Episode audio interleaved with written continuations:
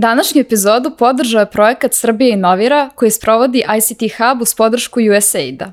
Projekat podstiče razvoj ekonomije vođene inovacijama, stvarajući nove modele saradnje, nove prilike i mogućnosti kroz globalno potvrđen i uspešan biznis model superklastera. Za više informacije o projektu, ali i prvom srpskom superklasteru, posetite sajt srbijainovira.rs. Pozdrav svima i dobrodošli u još jednu epizodu netokracijenog Office Talks podcasta. Moja današnja gošća je Marijana Gligorić, mlada preduzetnica i softverska inženjerka koja će sa svima vama podeliti svoje iskustva kako je kada si mlad čovek u Srbiji koji odpočinje svoj biznis. Dobro mi došla Marijana. Hvala, bolje vas naša, hvala puno na pozivu. Za početak, kako si nam, kako podnosiš ove vrućine i vremenske nepogode koje su nas zadesile ovih dana? E, pa evo, super podnosim, ovaj, malo, ovaj, da kažem, tu mi je kisela voda za pomoć, s obzirom da imam prirodno nizak pritisak, a, radimo aktivno punom parom, na dosta smo nekih projekata, tako da ovaj, nešto i ne primećujem da je, da kažem, oko mene ovaj, leto i da je sad neko to novogodišnje doba, tako da dosta sam u, u poslu. Kao i svi mi, između ostalog. Ovaj, ne možemo, iz tog našeg kancelarijskog života ne možemo da ni primetimo šta se dešava okolo. Jeste, najčešće. Ali to, to nam je svima sudbina. Da. Hajde za početak da razbijemo led, da se ti predstaviš našoj publici, odakle mm -hmm. nam dolaziš e, i kada si odlučila da će baš softversko inženjerstvo postati tvoj, e, tvoj život i nešto čime ćeš se baviti, tvoja glavna preokupacija. Aha. Pa ovako, ja sam inače iz Loznice, u Beogradu sam od 2014. godine kada sam i e, započela ovaj, osnovne studije na elektrotehničkom fakultetu. Uh, inače uvek sam imala tu neku sklonost ka tim prirodnim naukama, ka matematici i fizici i išla sam na razna državna takmičenja iz jednog i iz drugog predmeta, ovaj, između ostalih i ovaj, negde pre kraja osnovne škole ja sam već, ovaj, da kažem, bila odlučena da ću ja upisati matematički smer u Lozničkoj gimnaziji. Međutim, nekako smo drugarica i ja krenula da istražujemo, saznala smo da postoji još jedan smer koji je iznao pre toga, mislim, jedno do dve generacije. I u pitanju je bio informatički smer i on je sadržao između ostalog i neke te, da kažem, mešavinu i tih nekih kreativnih predmeta i za mene nešto što je skroz novo, da kažem, cijela ta oblast programiranja i slično, predmeti vezani za to, a pored toga i te prirodne nauke, tako da ovaj, tad se odlučujem da upišem taj smer u gimnaziji I negde pred uh, kraj ovaj, te uh, srednje škole, ja se sećam da sam ja tad pitala moje profesore da me spoje sa nekim uh, bivšim ovaj, studentima sa nekih tih fakulteta koji su meni bili interesantni u to vrijeme, to je ETF ovaj, u Beogradu i ovaj, Prirodno-matematički fakultet. I ovaj, nekako internet tada, mislim naravno postoje i sve to, ovaj, da kažem, bilo dostupno, ali čini mi se da to nije bilo kao sada. Naprimjer, meni sada mlađe te generacije priđu na Instagramu i pitaju me, ovaj, ja sam iz matematičke gimnazije, htela bih da upišem, ne znam, ETF, kao možeš nešto da mi kažeš više o tome i slično.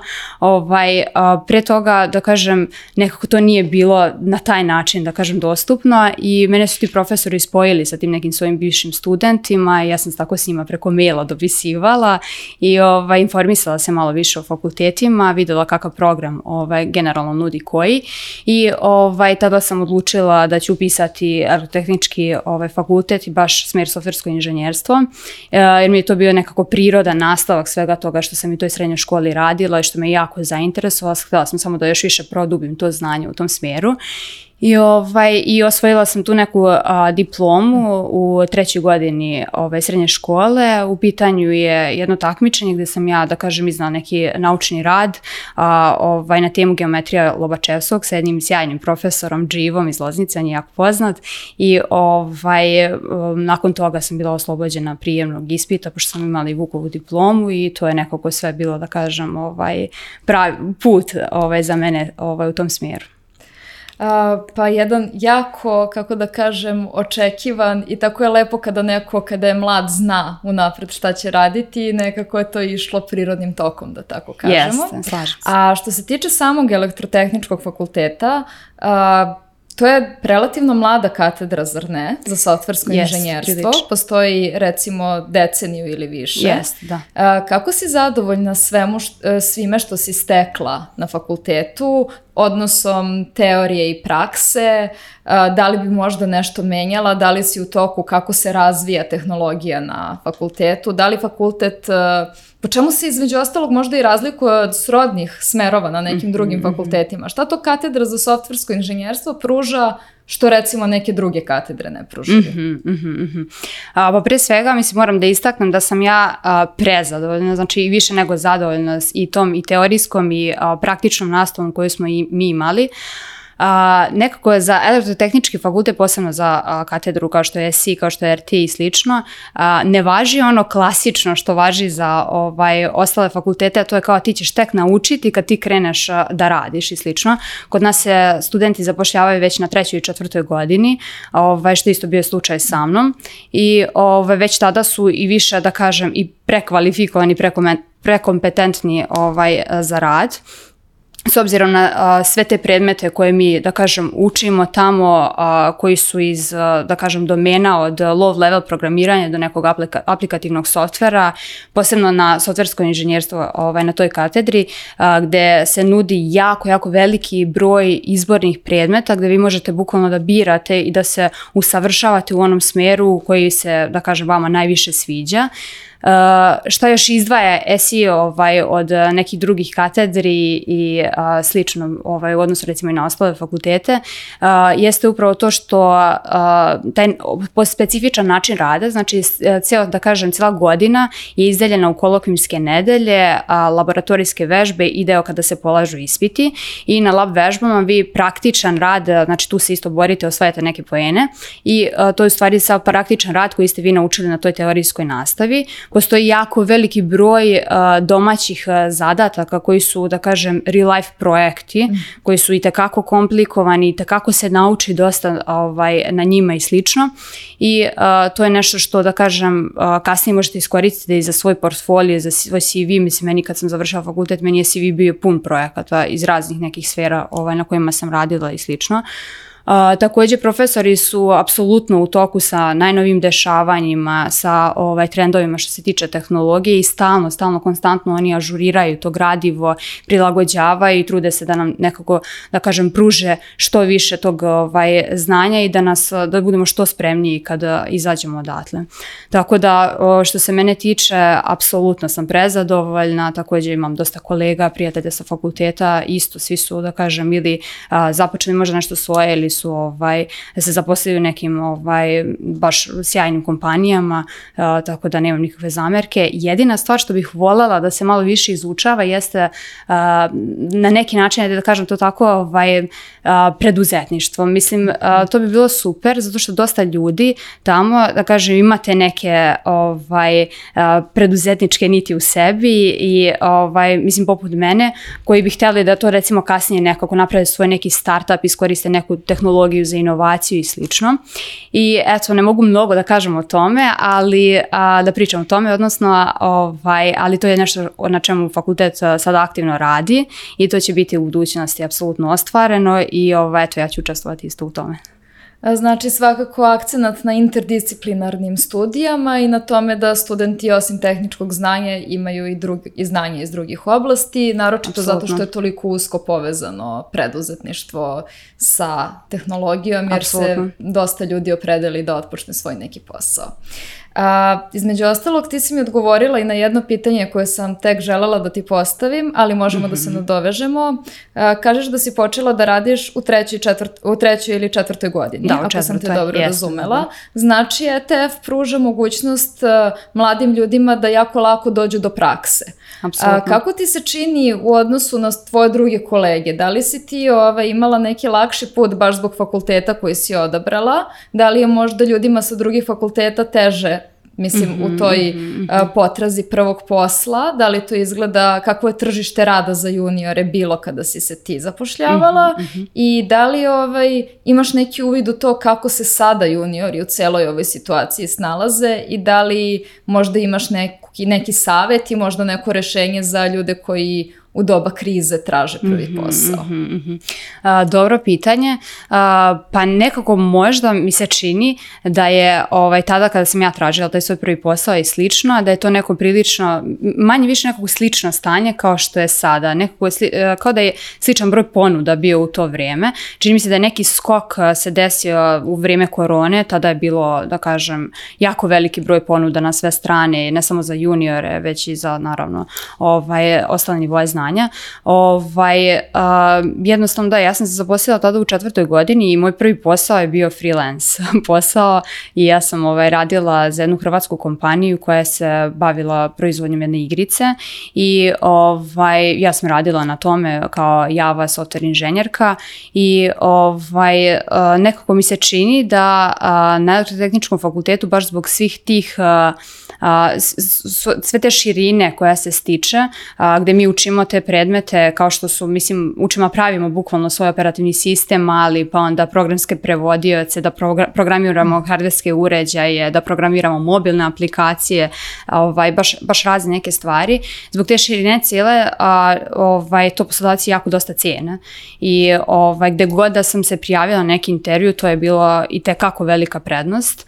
Ovaj, što se tiče kolega sa drugih fakulteta, fakulteta, smatram da ukoliko nemaju to neko, da kažem, domensko znanje ili ne izučavaju se takvi predmeti kao na ETF-u, oni svakako to mogu da rade sa strane i ovaj, da jednostavno se usavršavaju i da onda to svoje znanje ovaj, kasnije probaju da naplate.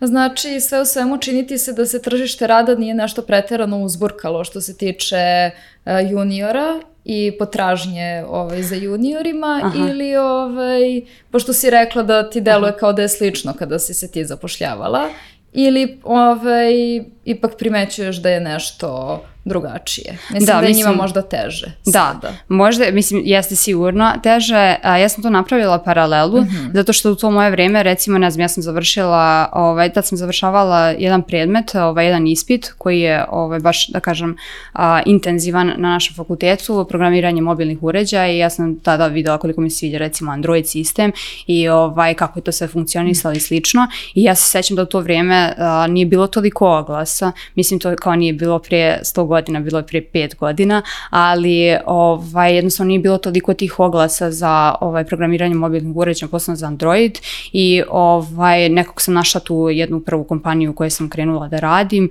Ovaj, što se tiče sada te situacije, sigurno jeste malo kriza uticala i sigurno da sada ako se zapošljavaju ljudi, zapošljavaju se medior i senior ovaj, nivo i više, ali eto ja sam sad da kažem u kontaktu i sa tim mlađim generacijama, ovaj, ljudi sa našeg fakulteta fakulteta i dalje uspevaju da nađu ovaj, taj svoj prvi posao. Mislim, jednostavno, zato što kažem, opet su jako kompetentni i smatram da ljudi kad završe ETF, ovaj, a, da to nije juniorski level ovaj, mm -hmm. znanja, apsolutno. Mm -hmm. A reci mi, tvoj neki savet za ljude koji traže prvi posao, da li bi bio da traže praksu u nekoj većoj kompaniji ili u manjem startupu? Mhm. Mm A, dobro pitanje. Sve zavisi od toga šta oni žele u budućnosti. Ako žele da pokrenu isto svoj neki startup, ako imaju to nešto što je, ovaj, da kažem, što ih vuče ovaj, na tu stranu i slično, svakako je dobro iskusiti kako je to raditi u nekom startupu, gde se sve jako brzo menja, gde moraš da iskoristiš sve te veštine opet koje smo mi, da kažem, još izbrusili više na fakultetu, a to je ta, a, to prilagođavanje, agilnost, brzina i slično. Ovaj, a, tako da jednostavno ukoliko žele da, da idu u tom nekom smeru, definitivno ih uvek rekla znači da idu u neki startup, ukoliko žele da se grade u nekoj korporaciji i da se penju kroz te ovaj, nivoje na, na toj lestici u korporaciji, to je isto super da idu u tom smeru. Mislim, ja sam neko ko apsolutno podržava preduzetništvo, ali nisam neko ko bi svakoga gurnuo u to. Mm -hmm. Znači, jednostavno smatram da to nije za svakoga i da je sasvim super. Moji neki od najboljih prijatelja rade u ovaj, ne znam, od instituta Pupin do Microsofta i jednostavno uopšte ne nameravaju da ovaj, razvijaju nešto svoje i kao super im odgovara ovaj, takav način života i me, ja sam isto super sa tim. A kako je izgledao tvoj put? Kako si ti, znači, ta prva, to je bila praksa ili pravi posao što si Mhm, radila, to, freelan, e, to freelance u, Mhm, e, kako da kažem, developmentu mobilnih aplikacija. A, kako je posle, kako je to posle izgledalo? Mhm, A, da, u kojim si kompanijama, mislim, e, da li si radila u većim kompanijama i kakav je tvoj neki utisak, gde si se bolje snašla? Šta, ti Mhm, je, šta je tebi više leglo, da tako kažem? Mhm. Da, znači ja sam u četvrtoj godini radila ovaj, a, u toj a, hrvatskom kompaniji, ovaj, pravila tu igricu u Javi.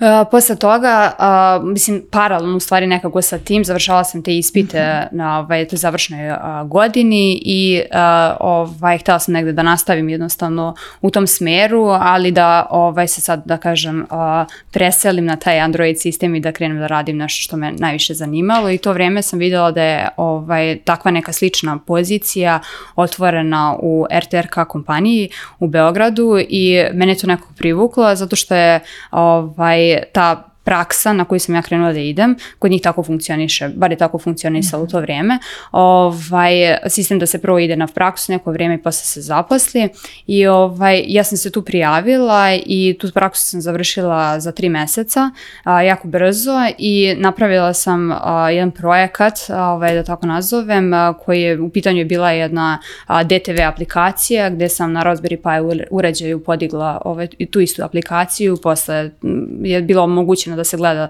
da kažem, neki a, sadržaj, streaming sadržaj na TV-u koji je samo bio prikačen HDMI kablom ovaj, na taj uređaj. I a, to, je, to sam iskoristila kasnije za svoj diplomski a, rad i ovaj, to odbranila sa najvišom ocenom i nastavila da radim u RTRK neko vrijeme. I a, posle toga sam a, ovaj, prešla u Levi 9 firmu gde je opet da kažem malo drugačije, drugačije bilo. Ovo, ovamo su bili klijenti koji su a, baš long run klijenti i delovalo je kao da delovalo je kao da radimo na nekom proizvodu koji je proizvod unutar kompanije.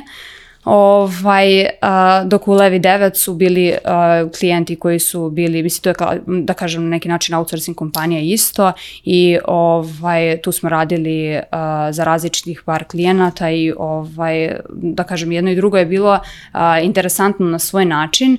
A, ono što sam ja kupila a, na oba posla jeste upravo to a, komunic- komunikacija sa klijentima, ovaj, a, kako se vodi neki projekat, način vođenja projekta, onda kako se, da kažem, koje su sve to role u nekoj kompaniji, ne samo na projektu u smislu da su tu programeri, testeri, dizajneri i slično, već i u samoj toj kompaniji kako se to izgleda, kako se pravi izveštaj, kako se komunicira sa svakim, pa onda smo učili o različitim tipovima ličnosti i slično, ovaj, to mi se baš mnogo sviđalo, posebno ovaj Levi 9, tako da to su neke te stvari na kojima sam ja, na kojima je meni bio fokus.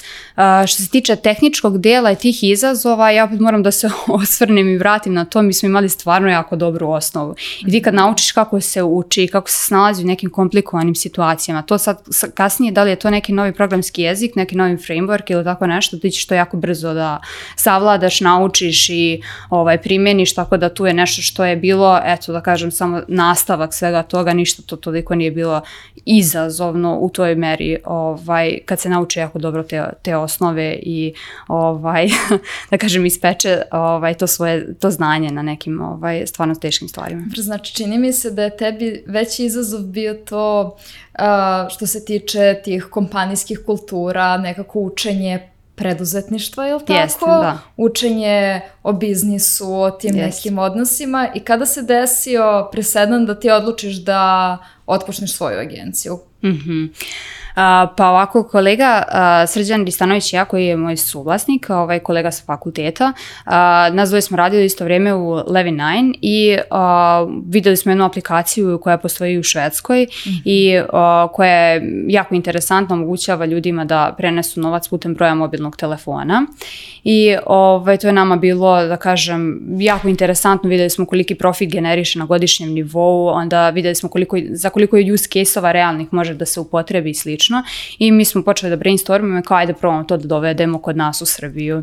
I ovaj, mi smo u to vrijeme, da kažem, radili u Levi 9, posle toga, ovaj, posle posla radili aktivno, aktivno na toj aplikaciji i ovaj, posle par meseci uh, Srđan je to iskoristio baš a, za svoj a, master rad i odbranio je to ovaj, kod Zahari Radivojevića i Marije Punt a, baš sa, da kažem, a, najvišom ocenom i sve to su, prošlo super i a, taj dan kad smo mi to završili, ja se sećam bukvalno taj dan, ovaj, izašlo je u novinama ovako Narodna banka Srbije nalaže svim M-banking aplika, ovaj, aplikacijama da je, a, implementiraju sistem Prenesi koji bukvalno radi tu stvar, a to je znači ovaj, omogućava prenos novca putem broja mobilnog telefona. I nas dvoje onako stojimo i gledamo u to i ono kao ne možemo da verujemo da smo toliko omašili tajming. I, ovaj, i nakon toga a, mi smo imali sastanak sa Udruženjem banaka Srbije, pisali smo i a, ovaj, Narodnoj banci Srbije, ja sam njima prezentovala to jako lepo sa svim tim statistikama, zašto je bitno? Da postoji jedna aplikacija koja radi tu jednu mm. stvar i koja ima neke analitike vezane za to, a ne da u M-banking aplikacije stavimo još 50. servis za koji dan danas kad pričam ljudima, ljudi kao pa nisam ni znao da da to ima kao moje banking aplikaciji da to i ne koriste. I slično. I oni su se složili tu, nama su i omogućili da kažem da odemo tamo da to testiramo sa tim nekim testnim mapima i slično. Međutim, u to vreme nama kreću da dolaze neki ti zahtevi za implementaciju za ovaj re, realizaciju pravljanja aplikacija mobilnih i web i to je iz nekog tog ličnog networkinga preko nekih preporuka od moje razredne tipa iz srednje škole i slično i ovaj nas dvoje krećemo da radimo malo po malo na tome i ostavljamo to naše, da kažem, rješenje sa strane i ovaj, tako kako smo radili par aplikacije, stigla je preporuka za dalje i slično. Ja se sećam, u jednom trenutku sam radila no, tri ili četiri, da kažem, ono, posla paralelno ovaj, i u Levi 9 i na tim ovaj, svojim rešenjima i na tim aplikacijama isto i slično, tako da samo sam shvatila da ne, nešto moram da pustim, da, da se posvetim onome što mi je, da kažem, trenutno najbitnije, gde mi je najveći fokus i a, tada sam odlučila da jednostavno ovaj, se osmelimo i da krenemo ovaj, u a, naše, da kažem, na naš put, odnosno da kreiramo Bridget i da počnemo to, da kažem, ovaj, da formalizujemo sve to i da krenemo tako da radimo. A, dobro, i sada koliko je prošlo otprilike od tog prvog koraka? Sad se i ne sećam, iskreno, mislim, ja sam odmah počela 2018. da radim. Mislim, od prvog Aha. koraka kada ste osnovali agenciju i ovaj, gde se sada nalazite, Aha. koja je vaša ekspertiza, vaš biznis mhm, model, mm -hmm. kako poslujete, tako ti neki mm -hmm, mm -hmm. Uh, detalji od ideje do realizacije pa do razvoja Mm -hmm, mm -hmm, kakav je sada. Mm -hmm. A, pa da, prvo smo za početak, znači radili smo samo Srđan i ja ovaj, na svim tim rešenjima i a, um, negde od prošle godine, još malo ranije, smo zaposlili ostalu ekipu, a, ugupno sad ima sedam mm -hmm. i ovaj, sad radimo a, naš, da kažem, biznis model, ono što mi trenutno radimo, jesu te a, mobilne i web aplikacije visokog kvaliteta. A, to su znači Bridget je trenutno servisna agencija ovaj, i uh, to je nešto, da kažem, što mi nudimo našim klijentima. Tako da ovaj, prošlo je otprilike tih par godina, ali ja kažem od prošle godine je to nekako malo više ozvaničeno, s obzirom da tada imamo sve te ovaj, ljude koji zajedno sa nama sada rade. A kako gledaš generalno na razvoj outsource industrije u Srbiji? Kako ti se ovaj, čine opaske ljudi da IT industrija u Srbiji ne postoji, da smo mi... Da, da, da da mi outsourcujemo proizvode, koje su prednosti i mane? I ovaj, generalno kako gledaš na razvoj te oblasti kod nas? I da li možda u nekom momentu planirate da promenite nekako kompas poslovanja, da napravite možda svoj neki unikatan proizvod koji će biti ovaj, uh, koji ćete lično prodavati, da tako mm -hmm, kažem. Mm -hmm, Kako gledaš na sve to? Mm -hmm. a, super pitanje. Ovaj, a, generalno kod nas outsourcing iz nekog razloga ima negativnu konotaciju. A, ja najviše poslujem sa Holandijom, Švajcarskom i Austrijom. A, ovaj, od skoro smo zapravo, mi smo obranutim smjerom išli. Znači ljudi mhm. obično počnu, da kažem, u svom komšiluku pa idu negde sa strane. Mi smo obranuti. Od, od skoro smo tek počeli da radimo sa nekim firmama iz Srbije.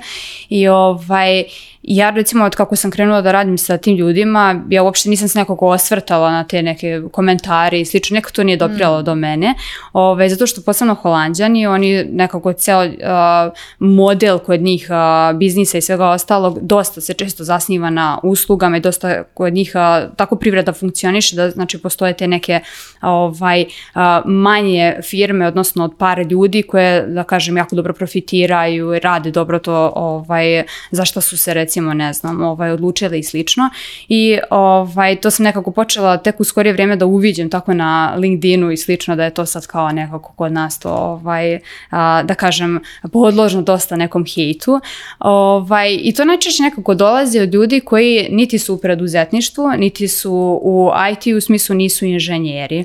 A, mislim, ja sam možda kad pogledam cijelu tu scenu, ovaj, nekako među redkima koja to a, na neki način ne hejtuje, možda je to zbog načina na koji mi pristupamo tome.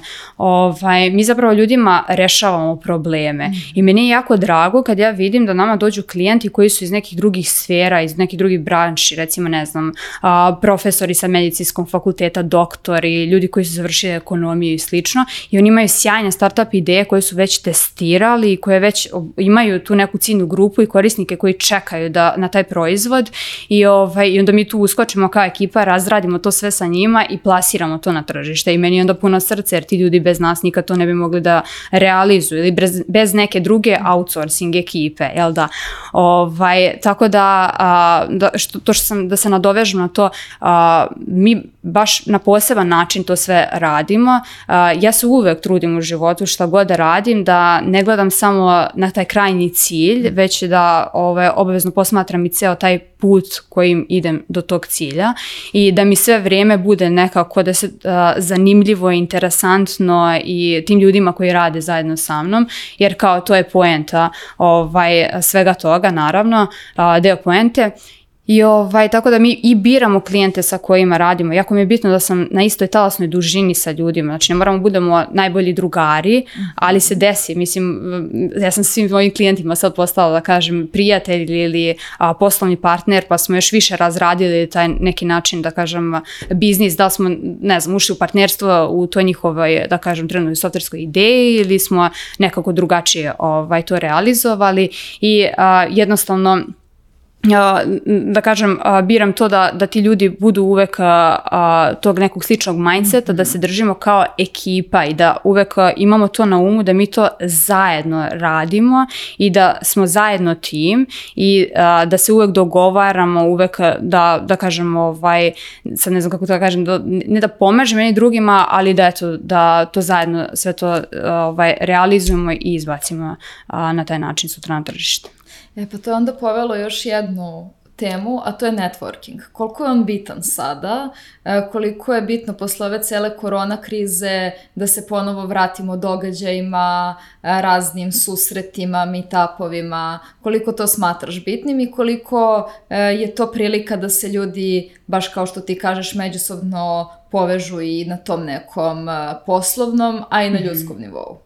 Da, uh, mislim da je networking definitivno ovaj, jako, jako bitna stvar, uh, znači u bilo kojoj uh, i sferi, industriji poslovanja, ovaj, preduzetništva do toga da radite samo u nekoj korporaciji i slično, tako da ja to apsolutno podržavam i a, podržavam, a, da kažem to neko a, ovaj, građenje tih nekih kontakata, ali s tim da treba to da posmatrate na long run.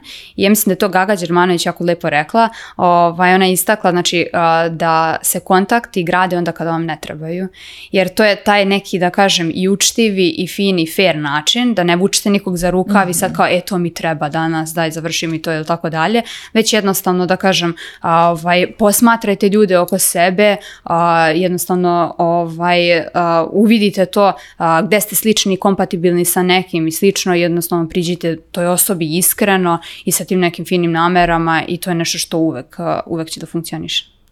A sada kada sam već spomenula jednu krizu i kako smo ušli u drugu krizu i kako izgleda da se samo, ovaj, nadam se, više neće nastavljati neki da. izazovni da. momenti, kako komentarišeš celu ovu krizu u IT industriji, vidimo li joj kraja, jer kao neko koji je u preduzetničkim vodama mm -hmm. i koji ima dosta kontakta sa drugim ljudima, kakvi su tvoji neki uvidi i neka tvoja predviđanja? Mhm, mm mhm. Mm slažem se sa tobom i nadam se da nas neće ovaj, opet bar u skorije neko vrijeme nešto testirati. Ovaj, kako sam krenula da radim, znači tu je i korona, sad i ova ovaj, kriza i slično, non stop se nešto ovaj, dešava na tom polju, ali uh, mislim da će sad recimo, moje mišljenje da će definitivno sad ova kriza izneti na videlo uh, definitivno, definitivno tu stvar ko je, ko je lider, u svom poslu, mm -hmm. ovaj, ako je, da kažem, gazda, ono, ta negativna konotacija što postoji da. kod nas.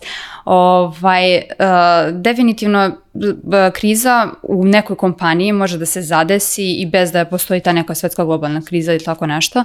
Ovaj, I to, to je nešto što svako od nas treba da bude spreman ko vodi neku firmu i slično, ali smatram da ti ako postupiš sa ljudima ljudski, I ako normalno sa nekim popričaš, ako na pravi način pokušaš da a, ispraviš stvari, da izneseš, izneseš nešto i slično, da jednostavno to ljudi zapamte, kao što zapamte isto loše obhođenje i ovaj, prema njima. Uh, Uh, druga stvar isto mislim da će sada na tržištu rada naći jako, jako kvalitetni ljudi i ovo je prilika sigurno ovaj, da i oni možda, da kažem, ako su razmišljali u nekom trenutku, ako su sad slučajno ostali bez posla i tako dalje, ovaj, da sada razmisle da možda krenu u te neke mm -hmm. svoje ovaj, preduzetničke startup vode i slično, tako da mislim da će se nekako, meni je taj osjećaj imam da će se izroditi dosta tih nekih novih startup ovaj, ideja i od ovih startupa koji su okruženi, da kažem, kažem, ovaj, koji su zasnovi, da kažem, na, na, na tome.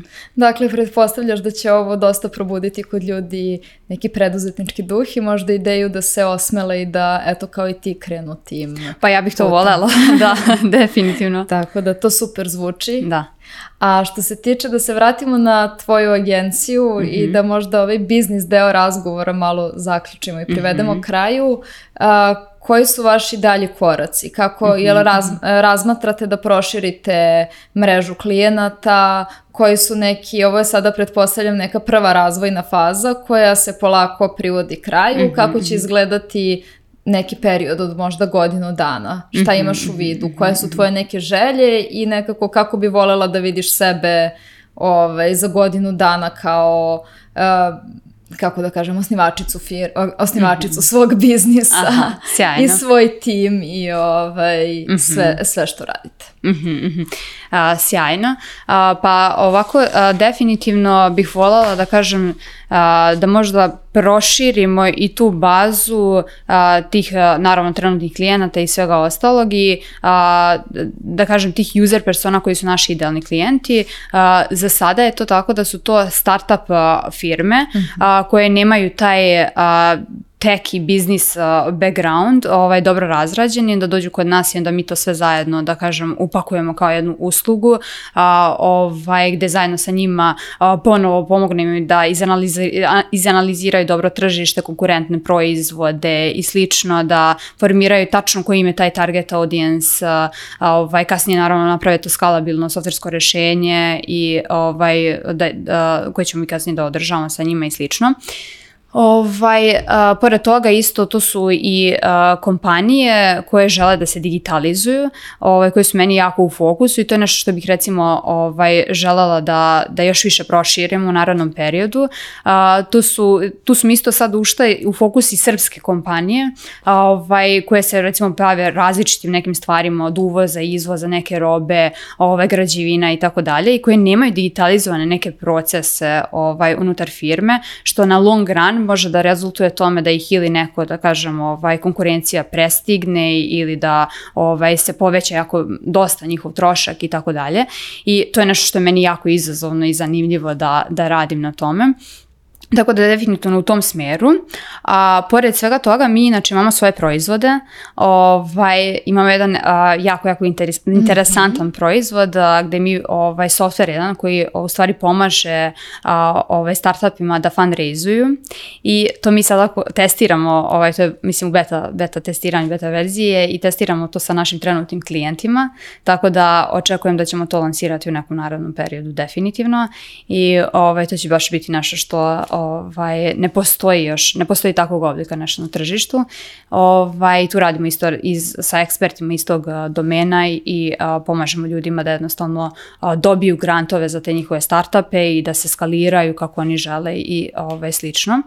Tako da to je nešto što definitivno, da kažem, planiram, voljela bih i vidim da će se desiti u budućnosti. Da držimo palčeve Hvala. i pratimo sve. Uh, eto, pored svih tih svojih obaveza i vezanih za agenciju i poslove koje si ranije radila, ti si dosta aktivna ovako u zajednici i pre svega bih htela da te pitam uh, za, tvoje, za tvoj aktivizam po ženskom pitanju mm -hmm, u mm -hmm. IT industriji. Ti se baviš aktivno inkluzijom žena i učestvuješ mm -hmm. u raznim ovaj, događajima i organizacijama. Šta bi imala da nam kažeš o tome? Da li mhm, možeš -hmm. taj svoj deo svog aktivizma za početak da nam predstaviš? Mm -hmm. A definitivno nešto na šta sam najviše ponosna ovaj, u toj, tom domenu, a jeste jedan pokret a, koji se zove Girl Power, koji smo, ovaj, da kažem, osnovale, započele, a, sjajne menadžerke super klastera, odličan tri, Gloria Martinović, Teodora ovaj, Vukašinović i Emilija Živković i ja, i ovaj, koji se upravo bavi time, a to je a, ovaj, inkluzija, odnosno, a, da kažem, usmeravanje žena da nam se ovaj, pridruže na tom nekom preduzetničkom putu, upravo koristeći te nove Web3 tehnologije, mm -hmm. blockchain i AI, ovaj, kao alat za neku inovaciju. I ovaj, sada, pošto smo kao super klaster ovaj, u okviru projekta Srbija inovira pobedili, ja se jako radujem što ćemo mi nastaviti da radimo to naredne dve godine i da osnažujemo i dalje žene ovaj, u tom domenu. Tako da to je neko, nešto što se najviše time, da kažem, ovaj, ponosim. Pored toga vodim jednu podsekciju u Prirodnoj komori Srbije, mm -hmm. ovaj, koja je isto vezan za IT, tako da tu isto imam žene koje, koje sam okupila, gde se zajedno borimo time, borimo da idemo ka tome da se širimo na druga tržišta, da se umrežavamo, da, ovaj, da dolazimo do tih programa podrške, grantova i slično i ovaj, do adekvatnih mentora. I to je u stvari neki taj put uh, kakom treba ići ako neko ima nameru da osnaž, osnažuje žene i da je, se trudi da, da ovaj, izniveliše, odnosno da izjednači tu neku ovaj, razliku između ovaj, broja muškaraca i žena u IT-u, posebno u IT-u vezan za, da kažem, tom podsmeru preduzetništva. Ovaj, tako da to je, to je taj način kakom treba definitivno ići. Ja sam tu sad dala neke bullet pointe ovaj, i eto, ovaj, uh, Ono što nije, da kažemo, osnaživanje žena, to moram da, da tako naglasim, to je ovaj, postavljanje a, a, nekog generičkog LinkedIn posta sa nekom statistikom i korišćenje toga kao nekog trenda u svrhu ovaj, da kažem to, te neke marketing strategije za svoj brand i za svoju kompaniju. Složila bih se sa tobom, apsolutno, tako da nastavljam da pratim ovaj, tebe Hvala. na LinkedInu i tvoje postove, Hvala. Ali slažem se sa tobom za te cringy mm -hmm. momente, da tako yes. kažem. A što se tiče tvog uh, drugog, ovaj, da kažem, van, tvoje druge van nastavne aktivnosti. da, da, bukvalno. E, ti si članica ovaj, izvršnog odbora u Udruženju mladih mm -hmm. privrednika, je li tako? Jeste, da. Da li možeš nešto više o toj organizaciji da nam kažeš, da nam kažeš uh, na koji način podstiču mlade privrednike pri započinjanju biznisa, čime se bave, da li imaju neki uh, networking, neke mm -hmm. događaje i tako dalje. Na šta mogu da računaju ljudi koji žele da krenu tvojim putem, mm -hmm. uh, kada zakucaju na vrata vašeg udruženja. Mm -hmm, mm -hmm. Ovaj, hvala na pitanju. Naravno, sa zadovoljstvom ovaj, a, želim da predstavim ovaj, Udruženje mladih privrednika kao jednu a, neprofitnu, nevladinu organizaciju koja se ovaj, bavi upravo time, a to je u osnaživanje ovaj, svih mladih preduzetnika a, na njihovom putu i a, to radimo kroz a, različite formate i edukacije i umrežavanja A, neki naši formati koji su sad već uveliko i prepoznati su upravo to druženje sa liderom, gde ovaj, dovodimo ljude koji su jako uspešni u svom mm. domenu iz različitih industrija, od poljoprivrede, trgovine do IT-a i ovaj, predstavljamo njihov biznis model i naši članovi onda imaju ovaj, tu priliku da a, pričaju tada sa njima, da a, networkuju skroz nekom neformalnom okruženju, neformalnom razgovoru, da ih pitaju sve što ih ih zanima i što može da im sutra kasnije pomogne za taj njihov biznis.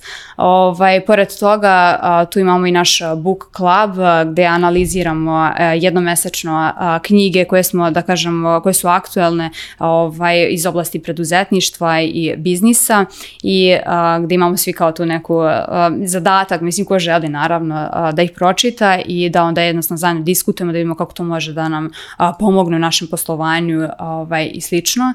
A, pored toga ovaj, razne UMPS večere gde mm. a, se članovi međusobno upoznaju još više, a, sarađuju kasnije i slično. Tako da ovaj, ukoliko neko želi da, da krene, da kažem i tim mojim putem ili nečim drugim, da se ovaj, profiliše a, eto kao preduzetnik u bilo kojoj toj ovaj, sferi, a, definitivno je a, nešto što bi pre, preporučila za njega apsolutno ovaj, UMPS udruženje. Mi kao članovi upravnog odbora, nas ima devet, oko 150 ljudi je sada učlanjeno trenutno u MPS i ovaj, mi se recimo okupljamo, imamo svoje strateške vikende a, gde mi a, detaljno prolazimo kroz ceo taj feedback koji su nam dali a, naši članovi i gde ovaj, u stvari utvrđujemo koje su njihove potrebe, želje, šta oni to žele da kažem vide i očekuju od nas u tom nekom narednom periodu ovaj, i onda se trudimo da napravimo da kažem te neke ovaj, akcije od toga, KPI-eve i ceo plan i program za naredni period gde to posle kasnije detaljno izvršavamo. E, kada si već spomenula te book klubove, za Aha. kraj da te pitam, ovaj, koju bi literaturu ti preporučila mladim preduzetnicima i od, od mora popularne -hmm. književnosti, šta ti nekako izdvajaš kao uh, must have Mm -hmm, ovaj, mm -hmm. za, za početke, da tako kažem. Aha. A, super, ovaj, a, definitivno uvek a, tri knjige koje ja svima ovaj, kažem da, da su bilo kojem trenutku, znači da ako su preduzetnici, ako hoće pokrenuti neki svoj startup ili bilo šta a, slično, ovaj, primenjivo je ovo apsolutno na, ja mislim na svaku industriju. Ovaj, a, tri knjige, Design Thinking a, i to baš ova verzija koju su kolege iz Nordeusa napisale, a, Lean Startup a, i Mamin Test. Znači tu ćete naučiti kako se, to je obavezna literatura i kod nas u Bridgetu, znači to ćete naučiti kako se prave proizvodi koje ljudi stvarno koriste. Znači a ne nešto što se izbaci na tržište, nikada ne vidi svetlost dana, ne vidi ga nijedan korisnik i samo tako propadne kao projekat. Ovaj, znači tu je veliki fokus na tome da se a, analizira tržište, da se vidi, ovaj, da se osluškuje non stop taj korisnički feedback jer su oni ti za koje mi pravimo taj proizvod sutra. Znači ne pravi, ja to stalno isto klijente vraćam na to, znači ne pravimo proizvod za mene, ne pravimo proizvod za tebe i da se tebi sviđa, već mora krajnjem korisniku da se sviđa, da je on zadovoljan sa svim tim featureima, funkcionalnostima i tako dalje. Ovaj, u Lean Startupu ćete baš ovaj, o, videti, da kažem, kako su te, tu praksu primijenile neke velike firme, pa recimo jako poznata tehnika čarobnjak iz Oza koju je primenio IBM 80-ih i slično. Ovaj, a mamin test, tu ćete vidjeti kako da postavljate pitanja tim korisnicima. Znači, ne treba dođeti kod nekoga da ga pitate jel bi ti kupio moj proizvod. Znači, treba da a, ispitujete njegovo pređašnje iskustvo, jer ono je najbolji, a, najbolji pokazatelj toga šta možete da očekujete od takve osobe u budućnosti. A ovaj, i to, to je te tri knjige, taj set knjiga, a pored toga, ako želite da učite, da počnete da učite o tipovima ličnosti, o ljudima generalno, o tome da pokušate malo da uđete u njihove cipele i da razvijete još više tu empatiju, apsolutno je epoha realizma iz književnosti, a, to je nešto na što se ja uvek vraćam, znači pisci kojima se ja uvek vraćam su Dostojevski, Flober, Borisa Stanković a, e, i ljudi koji nisu možda iz te epohe, evo, Ivo Andrić i slično, tako da ovaj, to je nešto što je, da kažem, must have ovaj, za sve ove stvari koje sam nabrojala. A, profesorka književnosti vrišti u meni. Drago mi je. da, hvala ti puno Marijana na inspirativnom razgovoru. Hvala tebi. Hvala i vama što ste bili sa nama. Nadam se da smo vas ispunili nekim korisnim savetima i postakli da možda i vi zagazite u svet preduzetništva. Bila je ovo još jedna epizoda Office Talks podcasta, a vi se subscribeujte na naš kanal i zapratite nas na mrežama. Ćao! Hvala što ste ostali sa nama do kraja. Podsjećamo, današnju epizodu podržao je projekat Srbije inovira koji sprovodi ICT Hub uz podršku USAID-a. Projekat podstiče razvoj ekonomije vođene inovacijama, stvarajući nove modele saradnje, nove prilike i mogućnosti kroz globalno potvrđen i uspešan biznis model superklastera. Za više informacije o projektu, ali i prvom srpskom superklasteru, posetite sajt srbijainovira.rs.